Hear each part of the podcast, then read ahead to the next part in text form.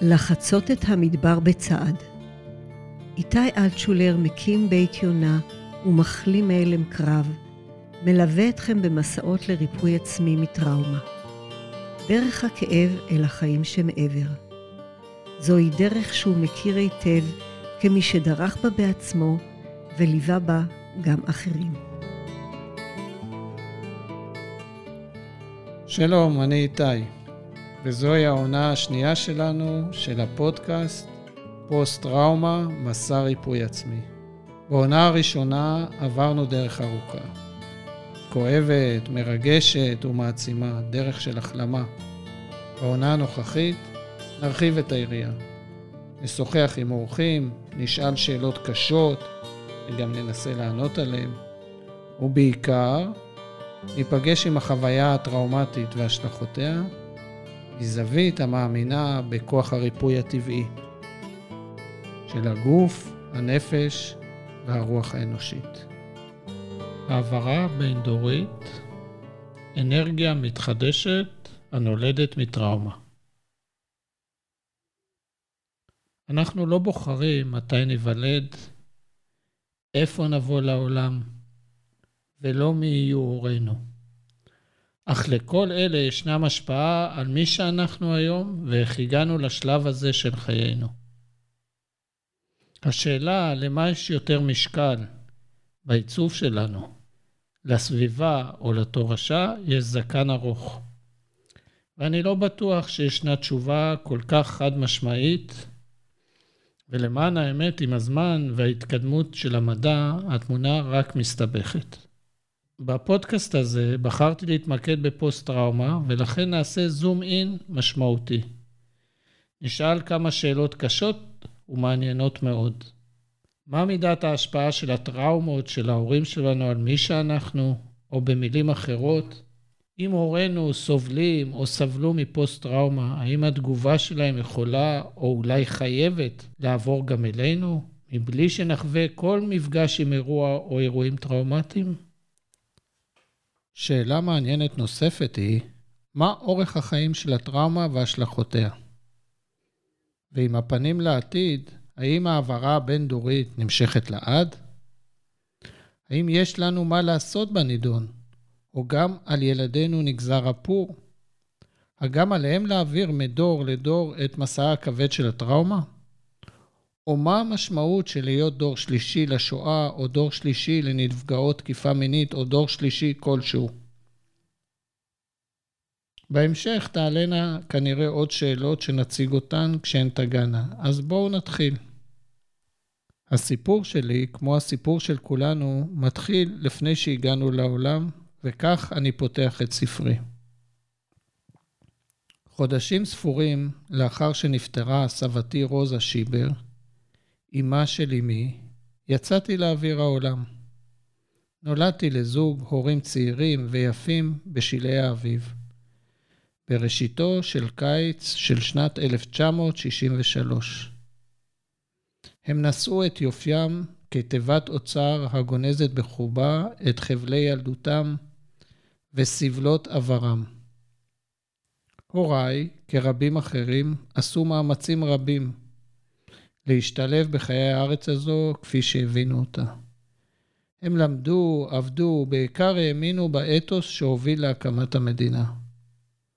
ובכל זאת, היו בודדים, בדידות שהביאו מאירופה של מלחמת העולם.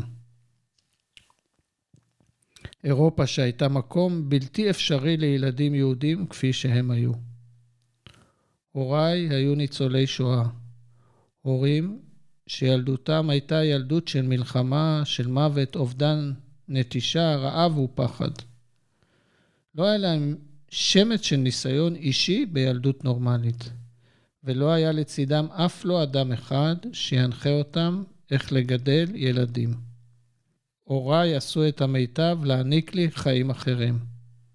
הם חזרו ואמרו, אנחנו רוצים שלך תהיה ילדות יותר טובה מזו שלנו. ילדות אחרת, ילדות נורמלית. ואומנם זכיתי לילדות רגילה. אז מה? הכל היה כתוב מראש, ואני הייתי באמת רק שחקן משנה בהצגה של עצמי? האם אני הייתי רק חייל משחק בשדה הסטטיסטיקה, שהסיכוי שלי ללקוט בהלם קרב היה גבוה ב-30% משאר בני גילי עם רקע שונה? האם רק מלחמה או אירוע קרב כלשהו צריך היה להזדמן עבורי כדי להגשים את יהודי? האם ההורים שלי, בחינוך שלהם או בהתמודדות שלהם עם עברם, עיצבו אותי בדרך כזו שאהיה יותר רגיש, יותר פגיע ופחות חסין למפגש עם מלחמה? אז המחקר העכשווי גורס שהתשובה לשאלה היא כן ולא, או יותר לא מאשר כן. התחום המחקרי שמתמודד עם הסוגיה הזו הוא אפיגנטיקה. אז מה זה אפיגנטיקה? המונח, כפי שאנו מכירים אותו כיום, הופיע בשנות ה-90. אז נעשה שימוש בו בכמה משמעויות שונות. ההגדרה המוסכמת כיום של המושג אפיגנטיקה הוא פנוטיפ יציב, תורשתי, הנובע משינוי בכרומוזום, ללא שינוי ברצף ה-DNA. במילים פשוטות, אפיגנטיקה היא היכולת להדליק או לכבות גן מסוים ברצף הגנטי כתוצאה מהשפעה של נסיבות סביבתיות. הדלקה או כיבוי שעוברים בתורשה דור אחד בלבד, ללא שינוי ברצף הגנטי עצמו, ללא שינוי ב-DNA. אם הרצף הגנטי משול לתזמורת, הרי שהגנים עצמם משולים לכלים, וההפעלה או הכיבוי שלהם משול למנגינה. נסיבות חיים שונות מייצרות מוסיקה שונה מאותם גנים. ודוגמה לכך היא ההבדלים המוכרים בין תאומים בעלי מטען גנטי זהה. ההתפתחויות של התחום הובילו חוקרים לחפש שינויים משותפים, גנטיים או אפי-גנטיים של שורדי טראומה למיניהם. מחקר מרתק בנושא הוא מחקרה של רחל יהודה. רחל יהודה היא חוקרת בתחום הפסיכיאטריה ומדעי המוח, מנהלת המחלקה לחקר מצבי הפרעת דחק פוסט-טראומטית, PTSD, בבית ספר לרפואה של מאונט סיני בניו יורק. רחל יהודה, בתחילת דרכה בחקר הטראומה, עסקה ביוצאי מלחמת וייטנאם.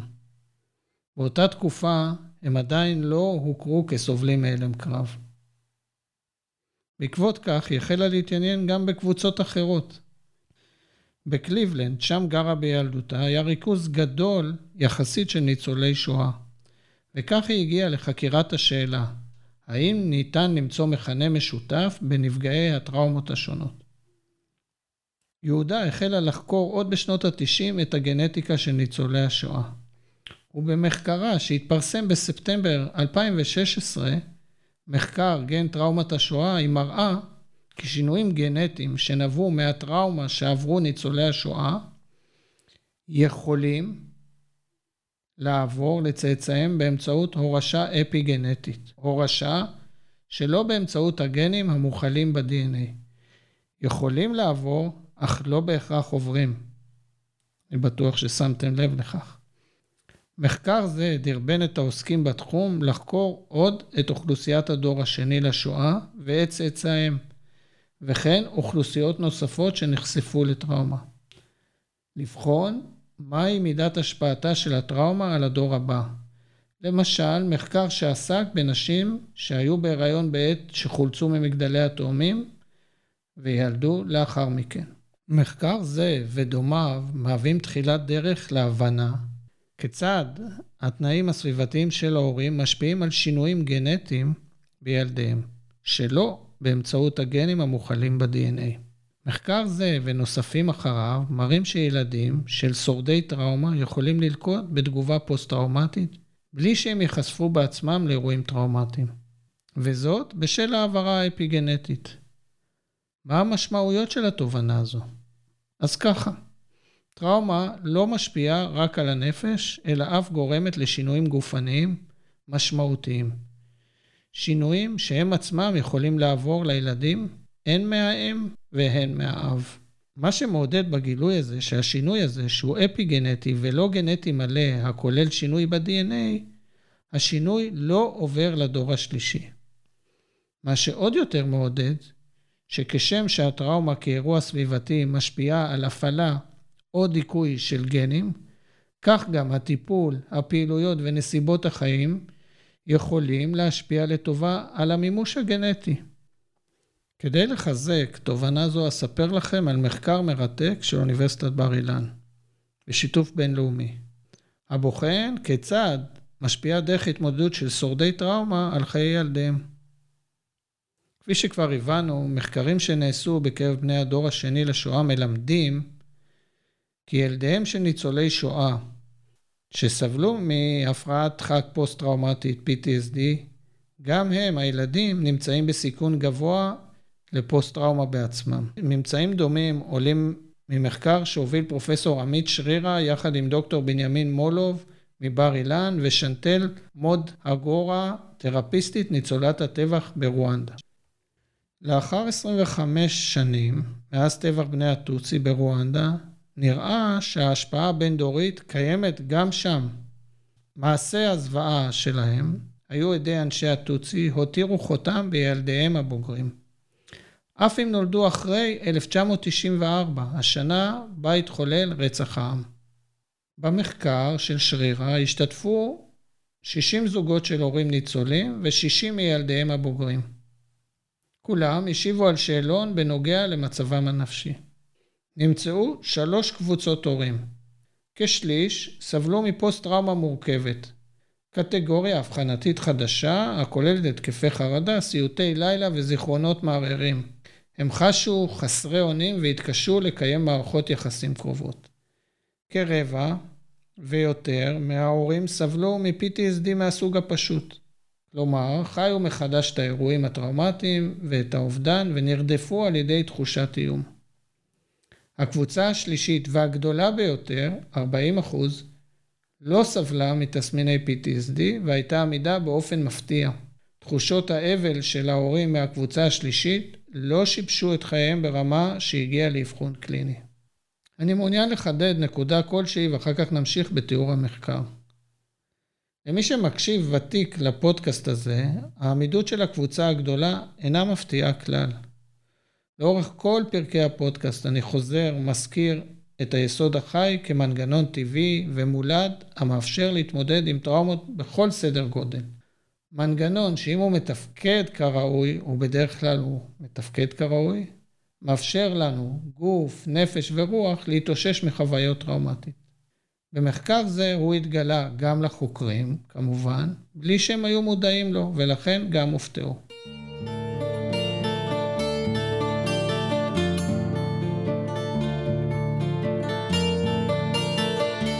נחזור שוב לממצאי המחקר ביחס להשפעות על הילדים. נמצא שככל שתסמיני ההורים היו קשים יותר, כך היו גם התסמינים שמהם סבלו ילדיהם הבוגרים. ילדיהם הבוגרים של ההורים מקבוצת הפוסט-טראומה המורכבת סבלו מרמה גבוהה ביותר של טראומה משנית. טראומה משנית היא טראומה שעוברת מאדם לאדם, מטפל או קרוב משפחה. הילדים, על אף שנולדו לאחר הטבח, חוו סיוטים הקשורים בטבח, היו חסרי מנוחה ודרוכים דריכות יתר. לדברי החוקרים, הורים, אנשי הטוצי שהיו דגם להתמודדות ודיברו בפתיחות על האובדן שלהם, לא יצרו טראומה משנית אצל ילדיהם. תופעה מוכרת גם בקרב משפחות של ניצולי השואה. לא ברור מדוע חלק מהניצולים מעבירים את הטראומה לדור הבא, בעוד שאחרים אינם מעבירים אותה. ידוע שהפגיעות לטראומה עשויה להיות מורשת באופן גנטי ואפי-גנטי. אך גם האופן שבו ההורים מתמודדים עם המצוקה שלהם הוא כנראה גורם בהעברה הבין-דורית. מאחר שהעברת הטראומה קשורה, בין היתר, לאופן שבו הסיפור מסופר. מחקרים הם תמיד מעניינים ומאירי עיניים, אבל היקפם תמיד מוגבל, והם מציגים מבט צר כלשהו על בעיה מורכבת וסבוכה, כמו סוגיית העברה הבין-דורית. לא צריך מחקר כדי לדעת שהורים מורישים לילדיהם דברים רבים הרבה לפני פטירתם. חלקם טובים וחלקם טובים פחות. המחקרים שתיארתי קודם מתמקדים בעיקר בקשיים, בהפרעות ובסבל שעובר בין הדורות. ראוי לציין שאם אלו עוברים בין הדורות, כך גם הכוחות, החוסן ואסטרטגיות ההתמודדות עוברים מדור לדור. המחקרים מציינים שהשיח הפתוח הוא שמקטין את ההעברה הבין-דורית של ה-PTSD. אולי זה נכון, אבל יכול להיות שדווקא הכוחות והיכולות של ההורים הם שמאפשרים להם, בין השאר, לנהל שיח פתוח על הטראומה. והכוחות האלה, או היסוד החי במיטבו, הם שעוברים לילד בהעברה האפיגנטית ומונעים מהם לסבול מסימפטומים פוסט-טראומטיים. כידוע, אם מחקר הוא בלעדיו, ההורים שלנו גם הם מודל להשראה וחיקוי לטוב ולרע, במודע וללא מודעות. הדרך שבה אנו מחזיקים את גופנו, הדרך שאנו מבטאים את עצמנו, גם הדרך שבה אנו נפגשים עם החיים, ובמיוחד הדרך שבה אנו מתמודדים עם משברים, איומים וטראומות, מקורם, בדרך זו או אחרת, בהורינו.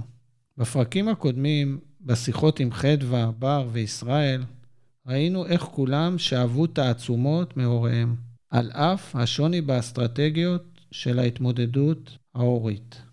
מי ששורד טראומה הוא בראש ובראשונה ווינר. מי שמתמודד עם פוסט-טראומה ויכול לה, אפילו באופן חלקי, הוא סוג של גיבור על. והכוחות שלו, כוחות העל, עוברים בירושה, אפי-גנטית או אחרת. זאת צריכים לזכור בני ובנות הדור השני לכל סוג של טראומה. חלק מבנות ובני הדור השני חשים שהם בצילו של האדם הטראומטי. ובטעות, כמוני, הם חושבים שהם מתמודדים בתחרות הסבל, שבה הם תמיד מפסידים. כלומר, שהסבל האישי שלהם לעולם לא יוכל להשתוות לסבלו של ההורה. אך בעולם הממשי, אם יש צל, יש גם שמש. השמש הזו היא-היא הכוח של השורד, המאירה ומחממת וטוענת בעוצמה את דור ההמשך. וכדאי לו, לדור ההמשך, ליהנות ממתנה זו. מתנת האנרגיה המתחדשת הנולדת מהטראומה. לסיכום, ראינו שטראומה משמעותית, מורכבת או פשוטה, משפיעה על הדור הבא, אם בדרך גופנית על ידי תורשה אפיגנטית, ואם על ידי השפעה בדרכי ההתנהגות ותגובות של ההורים בעת גידול ילדיהם. למדנו שלהבנה אינטואיטיבית זו יש ביסוס מחקרי ראשוני. הבנו שלא רק הפגיעות והרגישות הפוסט-טראומטית עוברות לילדים, אלא גם הכוחות, היכולות והאומץ יכולים לעבור לדורות הבאים. מסקנה חשובה מהדיון בנושא העברה הבין-דורית, בעיניי לפחות, שחובה על המתמודדים עם פוסט-טראומה לשאוף לעבור תהליך ריפוי, אם לא בשביל עצמם, אז לפחות עבור הדורות הבאים. הדבר העיקרי והחשוב ביותר שצף בפרק הזה, היא היכולת והזכות של בני הדור השני ליהנות מאנרגיית השמש הטראומטית.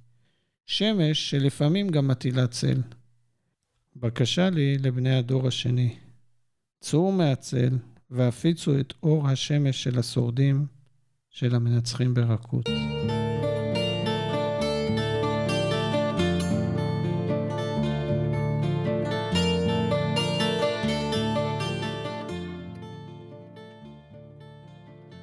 תודה שהייתם איתי בפרק נוסף של הפודקאסט פוסט-טראומה, מסע ריפוי עצמי. יש בכם רצון להגיב, להציע, לשאול או להתראיין? צרו קשר דרך קבוצת הפייסבוק של הפודקאסט. אם אהבתם, התרגשתם או חשבתם על חבר בזמן שהאזנתם, צרפו את היקרים לכם לקהל המאזינים שלנו.